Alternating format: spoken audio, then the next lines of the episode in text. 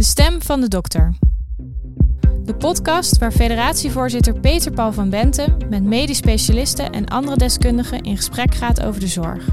Deze aflevering gaat over dure geneesmiddelen. Is dit inderdaad een gamechanger uh, die, uh, waar we heel lang al op zitten te wachten voor een bepaalde groep patiënten? Of is dit uh, een me-too en, of nice to have? Nou, dat bepaalt naar mijn idee ook de waarde van zo'n geneesmiddel. Nieuwe geneesmiddelen bieden perspectief aan patiënten met aandoeningen die voorheen niet of nauwelijks te behandelen waren. Maar deze geneesmiddelen zijn vaak duur. Hoe komt dit? En zijn het reële prijzen? Soms is het uh, totaal duidelijk dat er uh, krankzinnige prijzen worden gevraagd. En ze hebben natuurlijk een aantal lichtende voorbeelden uit het verleden. Soms is dat ook helemaal niet duidelijk uh, of dat nou een krankzinnige prijs is of niet. Wat betekenen deze hoge kosten voor de zorg en de maatschappij? En welke invloed heeft de medisch specialist? Dit en meer bespreken we in deze aflevering van De Stem van de Dokter. De podcast van de Federatie Medisch Specialisten. Welkom. Dure geneesmiddelen. Het is een belangrijk onderwerp. Want dure geneesmiddelen zorgen voor steeds meer druk op de kosten in de zorg. Het verdringt misschien wel andere zorg. Tegelijkertijd zien we natuurlijk dat dure geneesmiddelen ook vaak nieuwe geneesmiddelen zijn die hoop en een nieuw perspectief kunnen bieden voor patiënten met bijvoorbeeld zeldzame aandoeningen. Ik ga daarom hierover in gesprek met hoogleraar erfelijke stofwisselingsziekte Carla Hollak, reumatoloog Sander Tas en met apotheker en voorzitter van onze adviescommissie Geneesmiddelen Johan Ko. En meestal doen we dat, zoals ook vandaag, aan de hand van een aantal stellingen, waarin we wat verdiepende gesprekken met elkaar hebben. En de eerste stelling luidt: Fabrikanten moeten werk maken van maatschappelijk verantwoord prijsbeleid. Ja, hoe zitten jullie daarin? Zal ik eens bij Carla beginnen? Dat mag. Um, allereerst denk ik, natuurlijk moeten fabrikanten zich daar uh, mee bezighouden, maar niet alleen fabrikanten.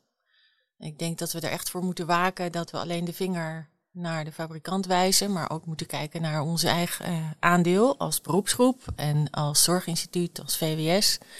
Want we hebben echt een ingewikkeld systeem opgebouwd met elkaar, waarbij we ook uh, prijzen in de hand proberen te houden. Maar dat functioneert niet altijd. Nee, want geef daar eens een voorbeeld van. Hoe gaat dat dan mis? Nou, en wat is dan onze rol? Ja, nou, een, een goed voorbeeld is natuurlijk wat er nu steeds vaker aankomt. Hele zeldzame indicaties. Denk maar aan de ATMP's of uh, gen- en celtherapieën. Ja. Nou, uh, recent nog een gentherapie voor een hele zeldzame aandoening. En um, dan is het zo dat daar enorme hoge prijzen voor gevraagd worden. En dan gaat dat middel in de sluis. En dan wordt daar een langdurig proces uh, aangekoppeld van evaluatie, een farmaco-economisch dossier. Uiteindelijk komt het eruit en dan worden daar ook nog weer prijsonderhandelingen aan vastgeplakt. Ik denk dat dat veel sneller en makkelijker kan door ook ons als behandelaren een veel belangrijkere positie daarin te geven om bijvoorbeeld van tevoren al te bedenken, dit is veelbelovend, we kunnen hier al met elkaar criteria voor opstellen hoe we dit als gepast gebruik direct bij de instroom zouden kunnen inzetten. Oké, okay, maar daar was toch juist die sluis voor bedoeld om te zorgen dat er meer zicht komt op de werkzaamheid en toegevoegde waarde van dat geneesmiddel? Ja, klopt. Maar de sluis is heel erg achteraf. Dus eerst wordt het middel komt op de markt, dan wordt er gekeken, voldoet dan aan de sluiscriteria. Dan, is er, dan zijn er eigenlijk al gegevens over de werkzaamheid, wou je zeggen. Ja. Precies, en wij kunnen veel meer anticiperen op wat komt. En daar kunnen wij als artsen echt een belangrijke rol in spelen. Door te zorgen dat we dat eigenlijk al pan klaar hebben op het moment dat het middel in Europa wordt goedgekeurd. En zo kunnen we ook onze overheid helpen. Ja, dus ik zag Sander ook al een beetje knikken. En, Absoluut, en Sander zit natuurlijk ook in de uh, adviescommissie geneesmiddelen. Dus dat betekent aan de bak. Aan de bak zeker. En niet alleen in de adviescommissie geneesmiddelen, maar we hebben ook een pilot op dit moment lopen met uh, geneesmiddelencommissies binnen de wetenschappelijke verenigingen. Uh, en ik denk dat daar een belangrijke rol voor, uh, voor weggelegd is om uh, inderdaad wat Carla zegt, zo'n middel voordat het op de markt komt, erover na te denken wat zou de plaatsbepaling zijn binnen ons vakgebied. Is dit inderdaad een game changer die, waar we heel lang al op zitten te wachten voor een bepaalde groep patiënten? Of is dit uh, een me-too en, uh, of nice to have? Nou, dat bepaalt naar mijn idee ook uh, de waarde van zo'n geneesmiddel voor de indicatie waarvoor die op de markt komt. Ja, en, en, en die waarde wordt dan ook weer, zal ik maar zeggen, vertaald in prijsonderhandeling en, en, en, en, en de prijs die het dan uiteindelijk moet krijgen. Nou ja, daar zou ik een voorstander voor zijn om dat mee te laten wegen in de, in de prijsstelling. Zeg, en, en als jullie dat nou doen in die geneesmiddelencommissie, en dan kijk ik natuurlijk ook even naar de voorzitter daarvan, Johan. Uh, hebben jullie dan bij dit soort plaatsbepalingsgesprekken ook contact met het Zorginstituut? Want het Zorginstituut heeft nu die sluis ingericht. En misschien als wij, ik maar zeggen, een stap vooruit doen, dan hebben we dat niet meer nodig. Want dat hoor ik Carla eigenlijk zeggen. Nou, in sommige gevallen hebben de beroepsverenigingen, de geneesmiddelcommissies, contact met uh, het Zorginstituut. Maar ik denk inderdaad wat Carla ook zegt, is het is heel belangrijk dat uh, of geneesmiddelen worden steeds eerder toegelaten, geregistreerd. De onzekerheid van geneesmiddelen, uh, wat die brengen, het resultaat, maar ook de bijwerkingen, is steeds uh, nou ja, ongewisser. En daarom is het juist goed dat de voorschrijvers, specialisten gezamenlijk een plaatsbepaling gaan doen. En welk geneesmiddel wordt vervangen of welke rol en plaats krijgt het in het behandelspectrum. Dus dus ja, ja, dus als wij dat beter doen, in, in verbinding met VWS en het Zorginstituut, dan zouden we de sluis minder vaak in kunnen zetten als hulpmiddel. Dat denk ik wel. Dat zou die sluisprocedure in ieder geval sterk verkort kunnen worden. Ja, ja, we kunnen echt veel beter anticiperen. En als we dit soort dingen goed opzetten, dan heb je misschien uiteindelijk zo'n sluis niet meer nodig. Want wat we allemaal willen is gepast gebruik en een maatschappelijk aanvaardbare prijs. En het liefst ook zo snel mogelijk die toegang. Want als het heel veelbelovend is, dan willen we natuurlijk wel onze patiënten graag kunnen behandelen. Dus eigenlijk is dat doelmatigheid aan de voorkant. Hè? Doelmatigheid aan de voorkant levert snellere inzet van innovatieve geneesmiddelen op. Precies. Is dat een... Ja. Uh... ja. Ja, en we, we zijn al deels bezig hiermee. Dus we, we hebben de Horizon uh, Scan Commissie, hè, die eigenlijk kijkt uh, van wat komt er aan op een bepaald vakgebied aan medicatie.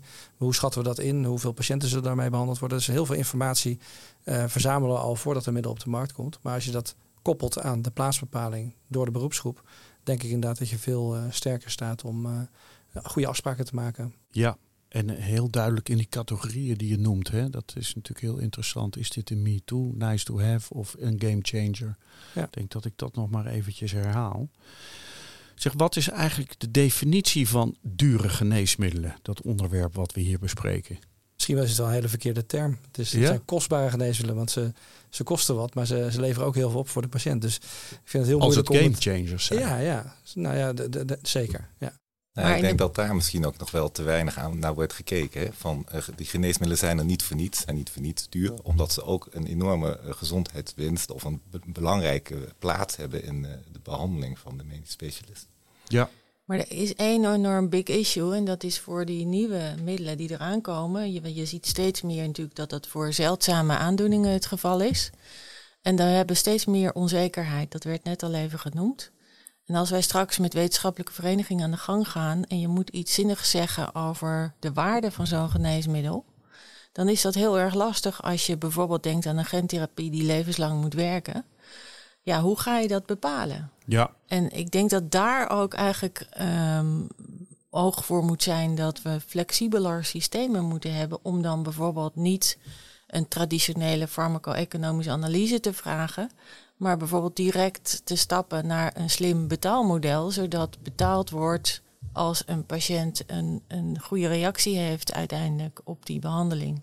Pay for performance. Pay for performance, dat, ja. En, ik, en er zijn allerlei ideeën en instrumenten, maar als een middel bijvoorbeeld in de sluis gaat, dan zijn het toch vrij uh, voor de hand liggende um, ja, bijna default uh, methodes om te kijken naar effectiviteit en naar kosteneffectiviteit. En daar moeten we denk ik flexibeler mee omgaan. Dan kan het ook sneller. Ja. Nou, je zou je kunnen voorstellen dat bij dit soort middelen die dan uh, in principe levenslang zouden moeten werken, dat je dat monitort en kijkt, uh, heeft deze patiënt er inderdaad nog baat bij? En als het blijkt na vijf jaar dat het niet zo is, ja, dan is dat middel dus eigenlijk ook niet uh, het bedrag waard geweest waarvoor het in de markt is gezet. Dus dan zou je en dan vragen wel... we geld terug. Nou ja, dat is lastig. Bonus-malus dus, afspraak dat, dat, is, dat is denk ik heel lastig. Uh, maar dan zou je natuurlijk kunnen nadenken van uh, betaal je dan misschien een bepaald bedrag per jaar voor zo'n behandeling. Ja, dat wordt nu ook ontwikkeld. Hè? Daar, wordt men, daar is men mee bezig. Maar als je dan eerst nog een ingewikkeld farmaco-economisch dossier laat maken, en hè, dat duurt natuurlijk allemaal eindeloos. En ik denk dat je soms per product van tevoren veel beter kan anticiperen wat, uh, hoe belangrijk is het. Ook met verschillende partijen naar kijken. En dan een slim traject opbouwen waar dus meer flexibiliteit in moet komen. En ik denk dat die ruimte gegeven moet worden door onze overheid. Ja, zeker. Die waardebepaling vooraf is heel belangrijk. En ik denk daarop aansluitend zou je dan ook criteria moeten verzinnen om uh, periodieke herbeoordeling uh, daar ook op te laten volgen. En ik denk ook dat daar een belangrijke rol is van, voor de wetenschappelijke verenigingen, ja. de specialisten, om daar invulling aan te geven. Nou hebben we het, en dat is denk ik altijd goed, om, uh, zal ik maar zeggen, een vraag te stellen over de farmaceutische industrie en te eindigen bij datgene wat we zelf moeten doen. Maar ik wil toch ook nog even weten hoe jullie uh, kijken naar de rol van de farmaceutische industrie. Hoe, en, en naar dat, dat maatschappelijk verantwoord prijsbeleid. Hoe, hoe zien jullie dat? Ja, ik wil er wel wat over zeggen. Kijk, uh, soms is het uh, totaal duidelijk dat er uh, krankzinnige prijzen worden gevraagd. En ze hebben natuurlijk een aantal lichtende voorbeelden uit het verleden. Ja. Um, soms is dat ook helemaal niet duidelijk of dat nou een krankzinnige prijs is of niet. En we vragen dan bijvoorbeeld transparantie aan een fabrikant. Laat nou zien wat je investeringen zijn. En dan krijg je eigenlijk altijd weer terug van ja, maar het gaat niet alleen om dit middel, want van de tien uh, komt er maar één bij de eindstreep. En die anderen hebben ook uh, natuurlijk uh, kosten gemaakt. Dus um, ja. dat, dat blijft een heel ingewikkeld verhaal. En ook omdat wij zelf een waardegedreven systeem in het leven hebben geroepen.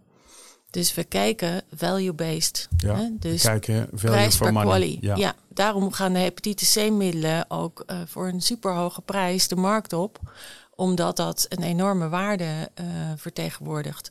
Maar staat dat dan in verhouding tot uiteindelijk de, de kosten nou die ja, er zijn gemaakt? natuurlijk ook nog wel andere voorbeelden die wat minder fraai zijn. Bijvoorbeeld farmaceutische industrieën die een strategie hebben gemaakt van het opkopen van alle producenten. Vervolgens zelf uh, de enige zijn die het nog produceren. En dan uh, de volgende dag de prijs vertiendubbelen of honderdvoudigen hoor, hoor ik ook wel eens. He, dus dat is denk ik toch niet een, een, een goede way to go. En ik sprak ook kort geleden bij een werkbezoek een ziekenhuisapotheker die uh, fantastische initiatieven ontwikkelde om uh, bijvoorbeeld te kijken of hij van een duur geneesmiddel niet met veel uh, lagere dosering toe kon, zodat hij daardoor de prijs halveerde en na een jaar geconfronteerd werd met een twee keer zo hoge prijs.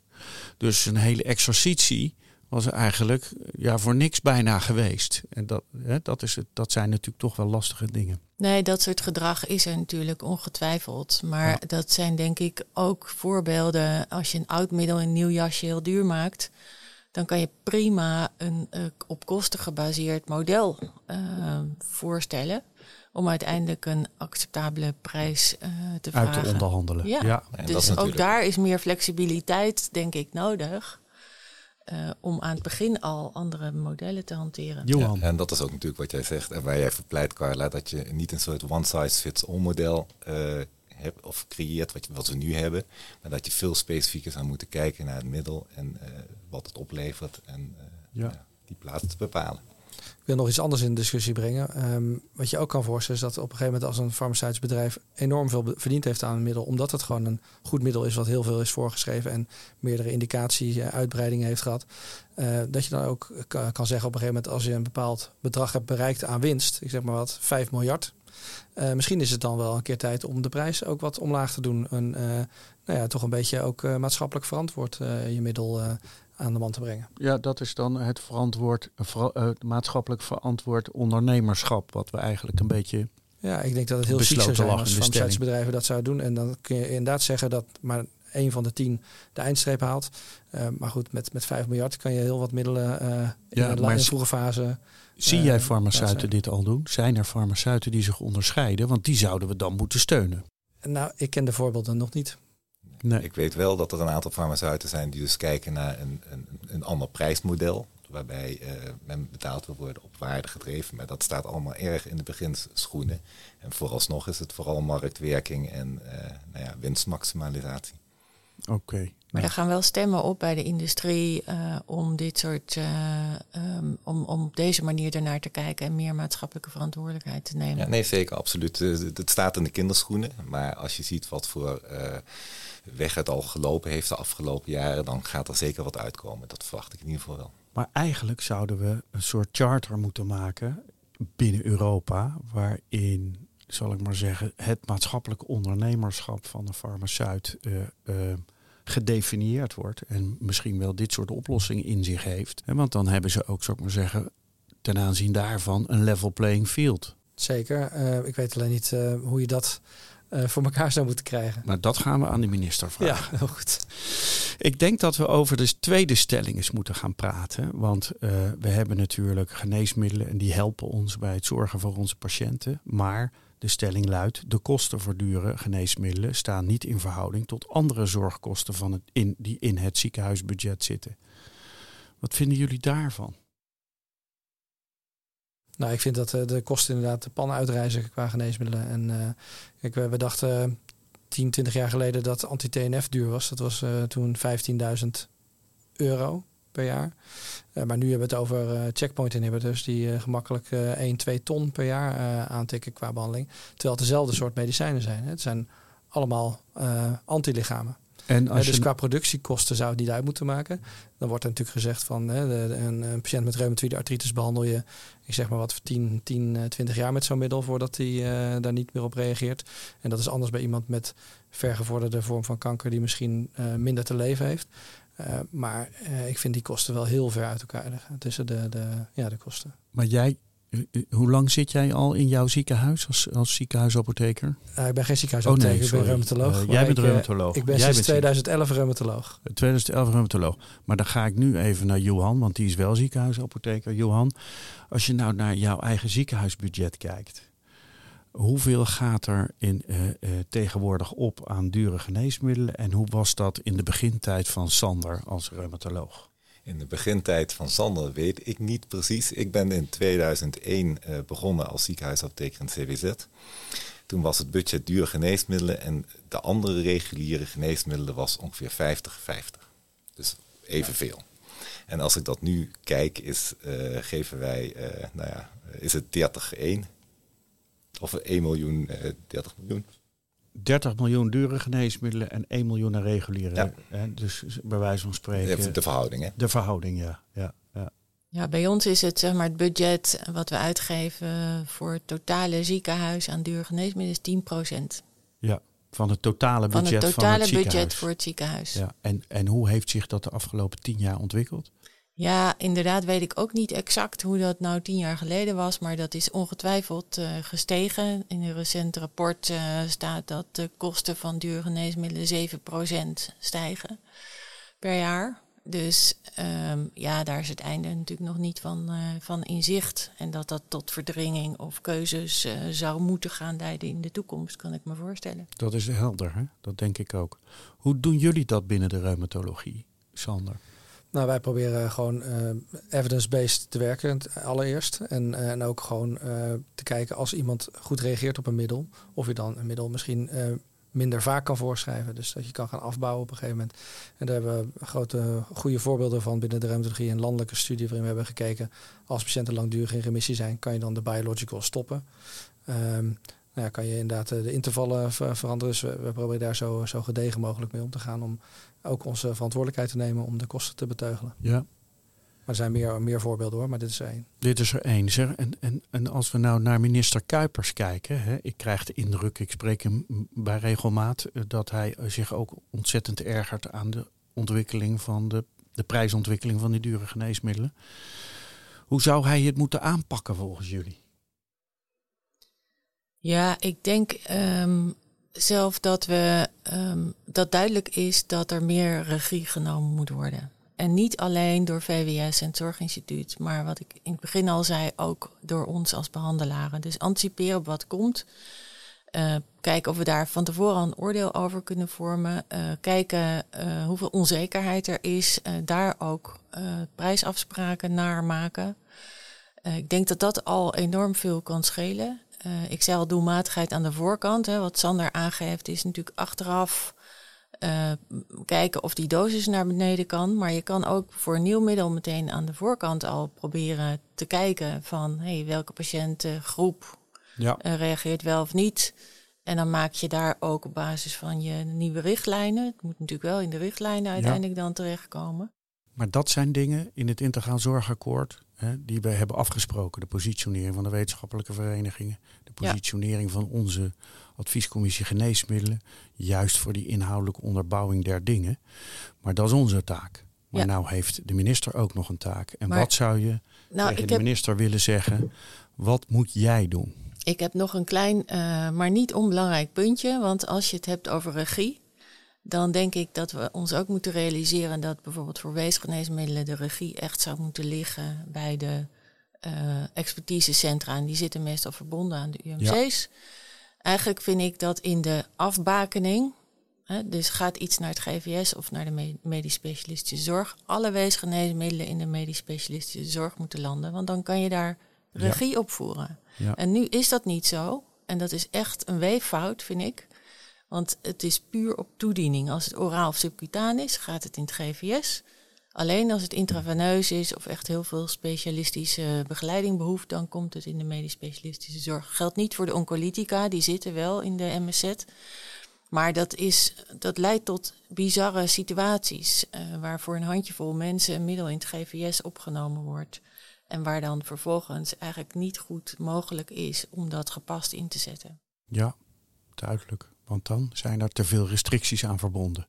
Nou, dan worden er wel soms voorwaarden. Dan komt het op een bijlage 1b met voorwaarden. Maar in feite um, is daar dan toch uh, onvoldoende mogelijkheid om daar bijvoorbeeld een protocol aan vast te plakken of een weesgeneesmiddelenarrangement te doen met duidelijke afspraken over gepast gebruik. Ja.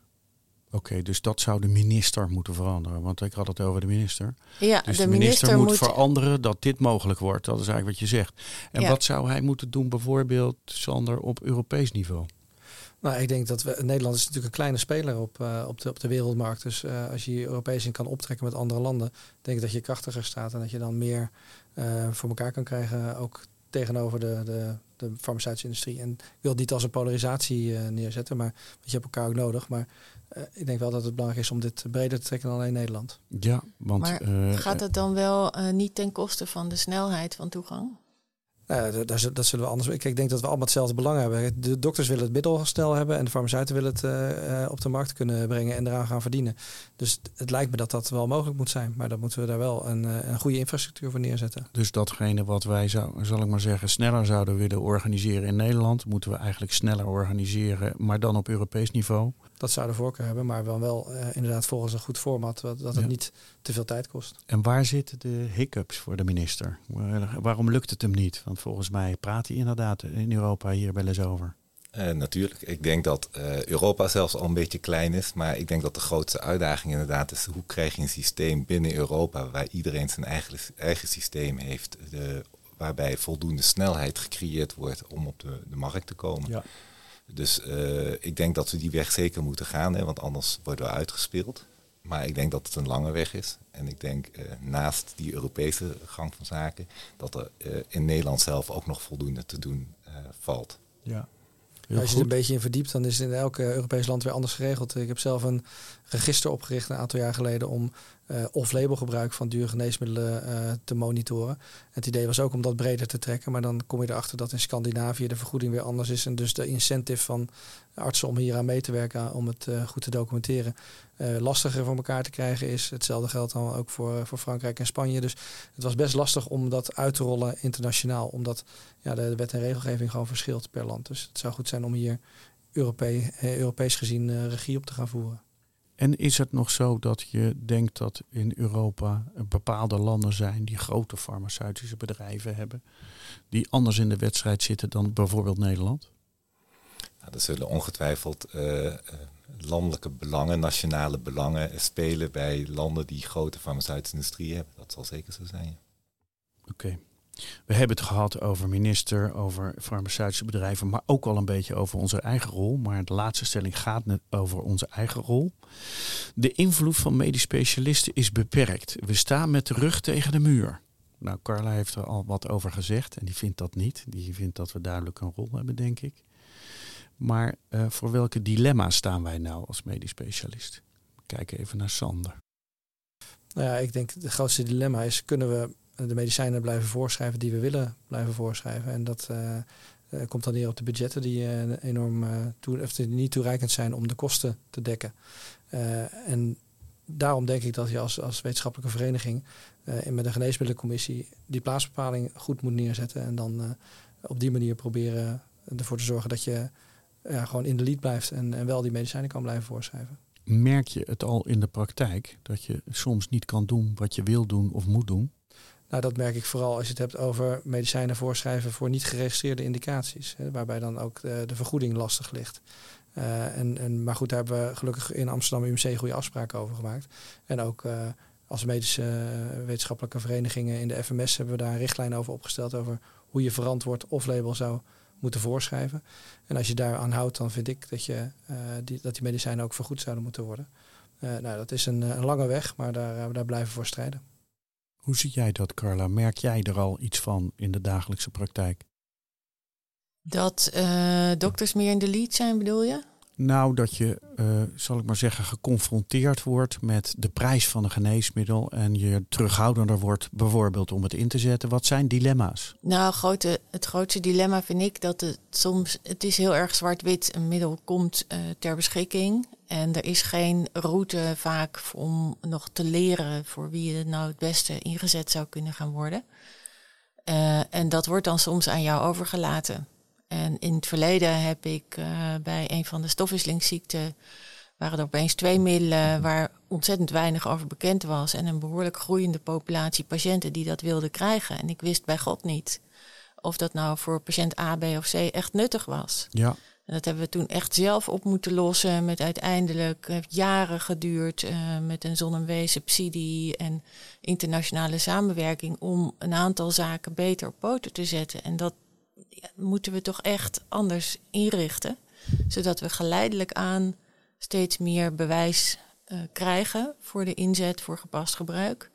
En dat schuurt natuurlijk een beetje met een zwart-wit beoordeling als is het nou wel of niet stand van wetenschap en praktijk. Ja.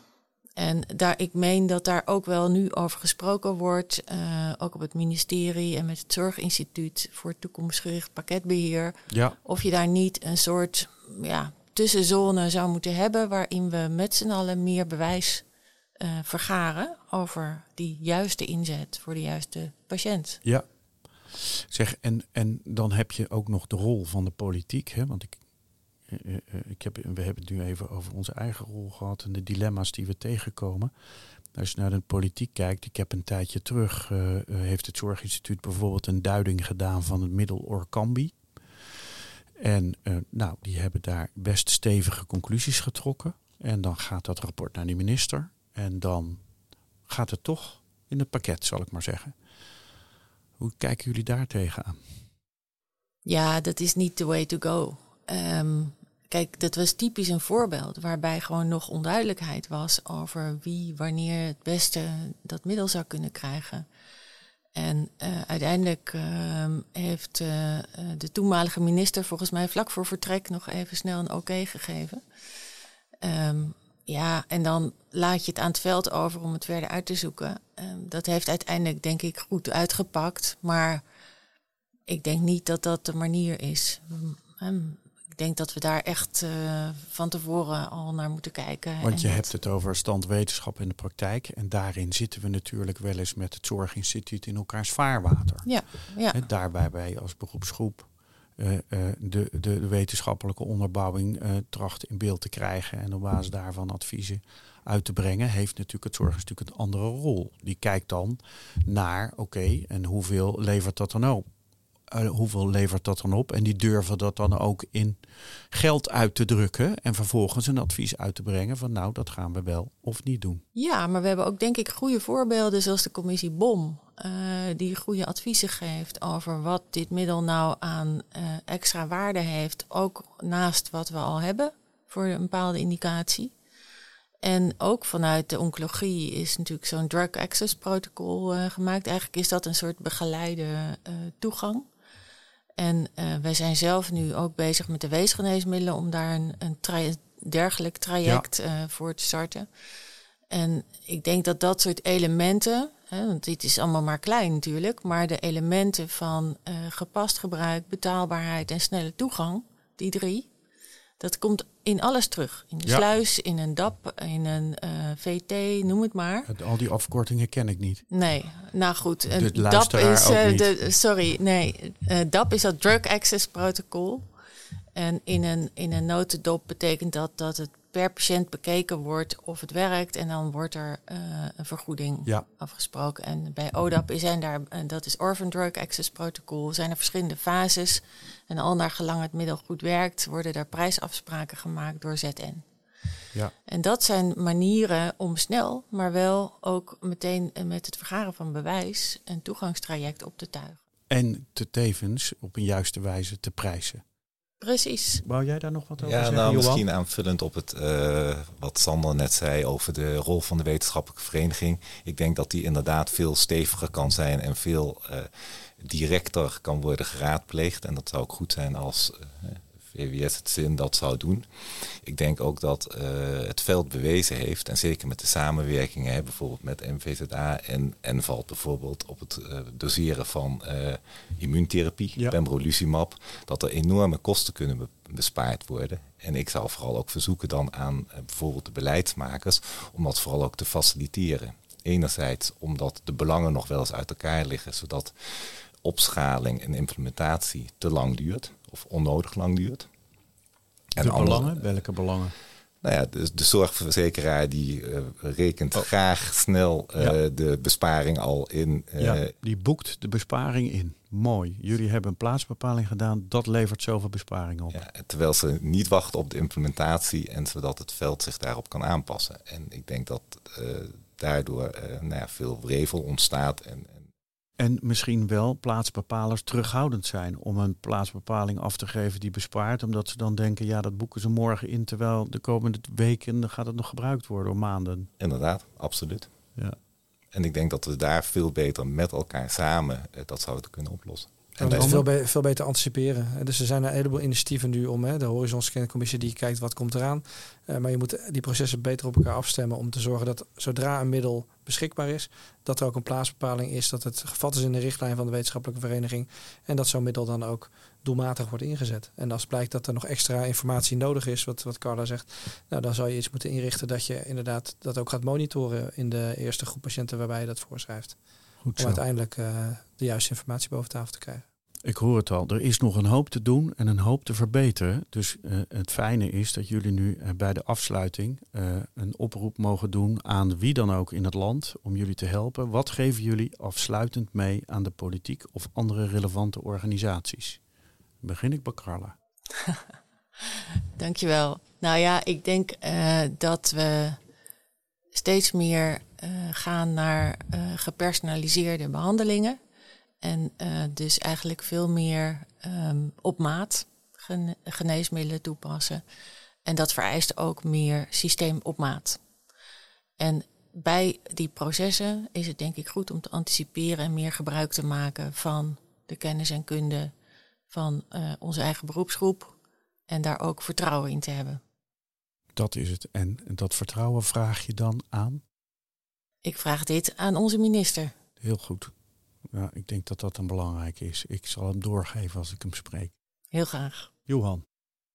Eh, mijn vraag eh, zou zijn inderdaad van eh, hè, de, de wetenschappelijke verenigingen zijn van goede wil. Eh, en ik zou mijn vraag aan de minister of aan het Zorginstituut zou zijn om in ieder geval eh, de registries om eh, real-world data te vergaren. Zodat snel ook een herbeoordeling kan plaatsvinden om dat te faciliteren en te stimuleren.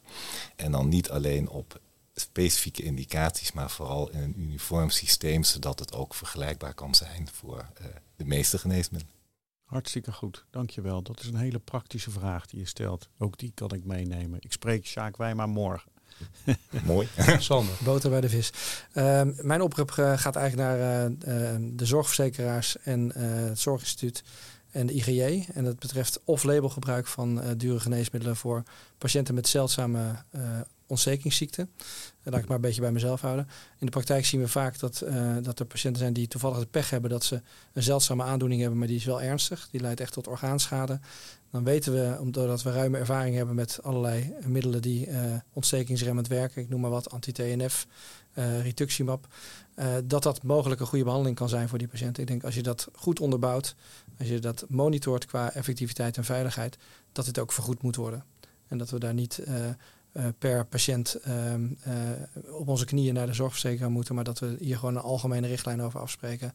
We zijn als, als medisch specialisten geen cowboys die zomaar medicijnen voorschrijven. We doen dat echt heel zorgvuldig en wel overwogen.